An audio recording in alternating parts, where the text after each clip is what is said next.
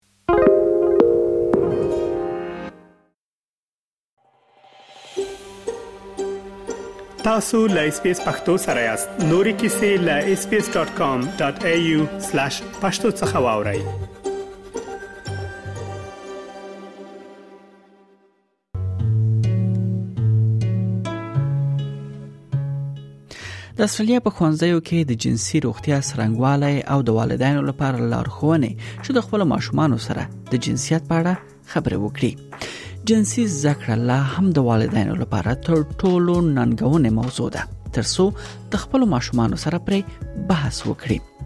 خوشبختانه جنسي روغتیا په پراخه کچه د استرالیا په خوانیز په خوانځیو کې تدریس کیږي او والدین هم کولای شي ډيري سرچینو ته لاسرسي ولري ترڅو د شرم یا ناخوښي احساساتو په لری کولو کې له هغوی سره مرسته وکړي دلته د متخصصینو ځینې غوړه لارښوونې دي چې د والدینو سره د خپل ماشومان سره د خبرې اترې کولو کې مرسته کوي لمونږ سره اوسئ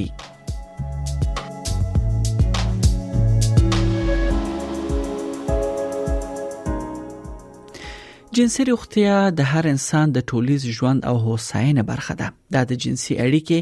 حمل او هم نورو څخه لا ډیره وړاندې مسله ده جنسي زده کړه د ماشومانو د ودې اړخونه په لویوالي کې حفظ الصحه او د نګدیوالي او مینې احساساتو کې دا ټول پکې شامل دي دا د مثبتو او صحي اړیکو ساتلو سرنګوالی هم اساس یې دی جنسي روغتیا د استرالیا په خوانځیو کې له لومړي ټولګي تر 12م ټولګي پورې تدریس کیږي ملي نصاب د ماشومانو د وده په تیوري ولاړ دی کوم چې د انسان د بالغ کېدو فزیکی، احساساتي او رواني مرحله په پام کې نیسي. رینی ویست د ان اس دبليو یا نیو ساوت ویلز د ښوونې او روزنې په څنګه کې د ثانوي ښوونځي مشاوره ده نو موړه وایي د استرالیا نصاب د نړیوالو ساينسي معیارونو سره سم ډیزاین شوی دی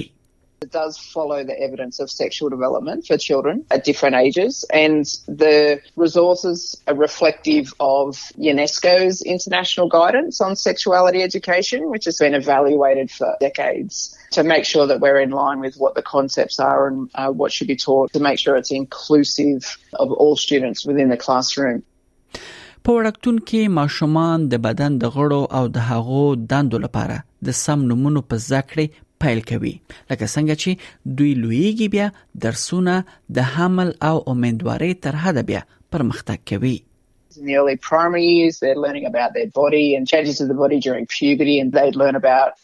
reproductive health and menstruation in the later years of primary school. And then that moves into the high school or secondary school years where they start to learn more about sexual behaviours, pregnancy, methods to prevent pregnancy, sexually transmitted infections or STIs,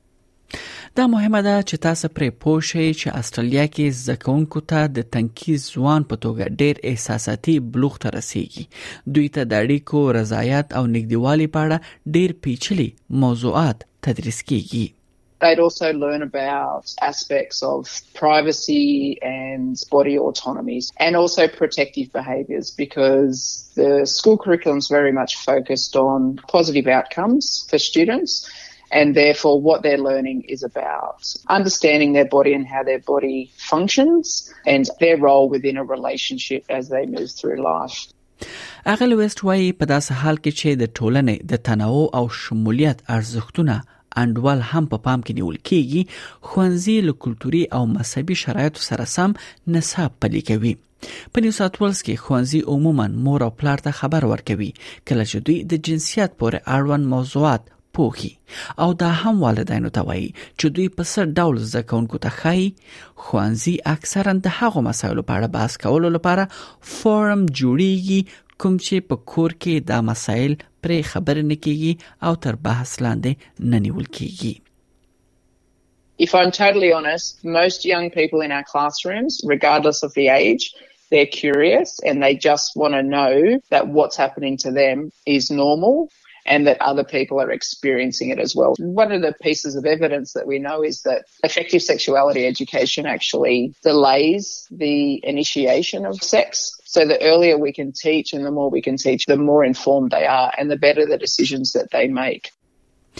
کیتی سیمایټس د ان اس دبليو د ښوونې او روزنې ریاست لپاره د ثانوي زده کوونکو لپاره د نصاب رئیس په توګه هم کار کړی دی او کوي یې هغه وایي دا مهمه ده چې والدین په کور کې د جنسیت په اړه د خبرو کولو لپاره خوندي چاپیریال چمتو کړي هغه لوی والدین باید د خوانځیو سره په ملګرتیا دا کار وکړي تر څو ډاډ ترلاسه شي چې ټول زکونکي د ملاتړ او ډاډ احساس کوي په حقیقت کې به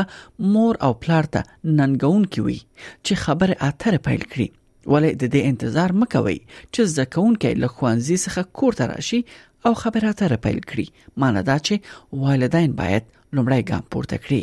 parents need to work in partnership with schools to ensure that all students feel supported and confident to talk to either their teacher or to their parent about what's going on with their own sexual health, their sexuality, their relationships, their own personal hygiene. And, and I would actually challenge parents to initiate the conversation, not wait for students to come home from school and initiate the conversation. If the child doesn't feel safe, chances are they're going to look online for answers mm. and they may not find the right information. ډاکټر میګالی بیررا د دیش کلونو راهیسې په لویدي سیدنی کې د کورنۍ ډاکټر یا جی پی په توګه کار کوي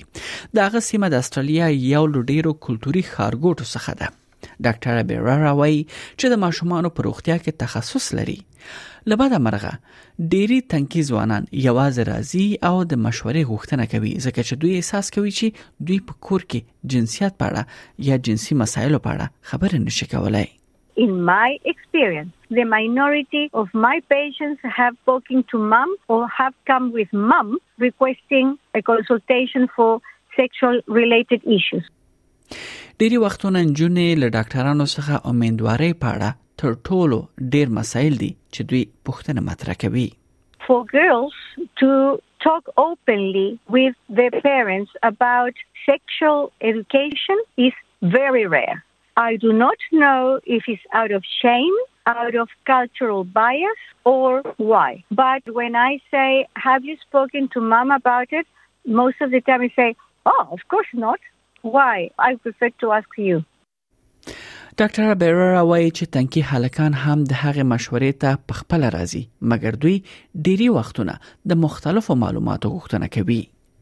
They come with because they want to have STD checks.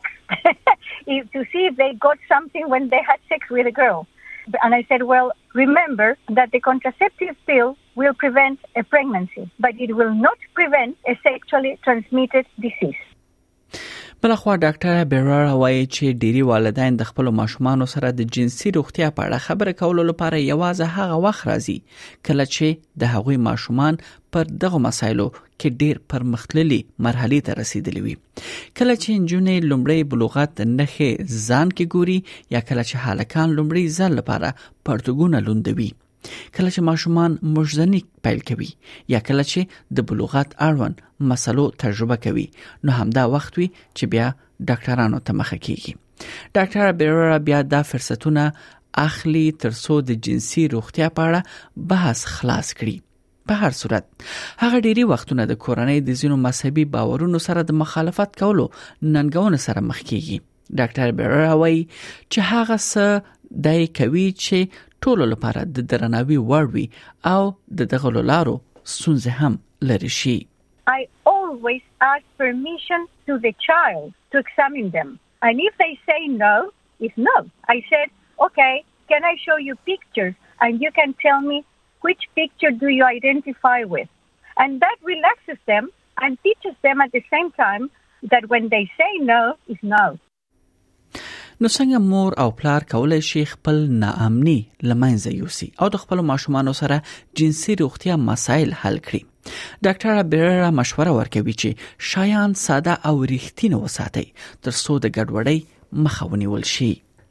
leave the child to give you the first clue that they want to know. And never, ever lie to them. If you do not know the answer, look for it. Go to your doctor, to the teacher. And, but if it is a normal question, try to answer it as much as you can. Most of the time,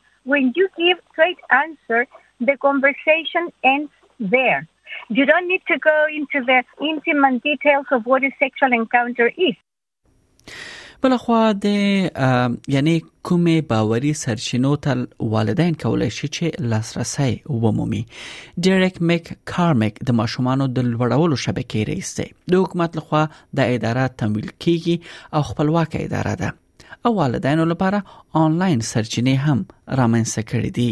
talking about sex can be a challenge for parents if they feel a little awkward or they don't know how to begin the conversation. It also might be that they feel unprepared for the topics that might come up. What we would often advise is have those conversations early, and if that doesn't go too well, you can have them again later.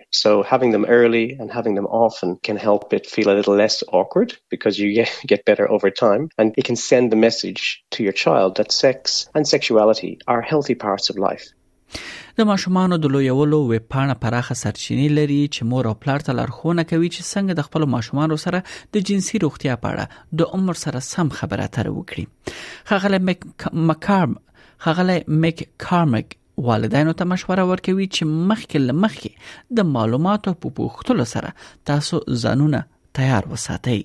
For children up to the age of eight, they might want to know how girls and boys' bodies are different, where babies come from, and those kinds of topics. And this is a good tip. They could start by asking their child what they know and what they think about those topics. Children from 9 to 11 years of age, for example, might be having questions around sexuality and relationships, masturbation, and other parts of normal sexual development in that older age bracket.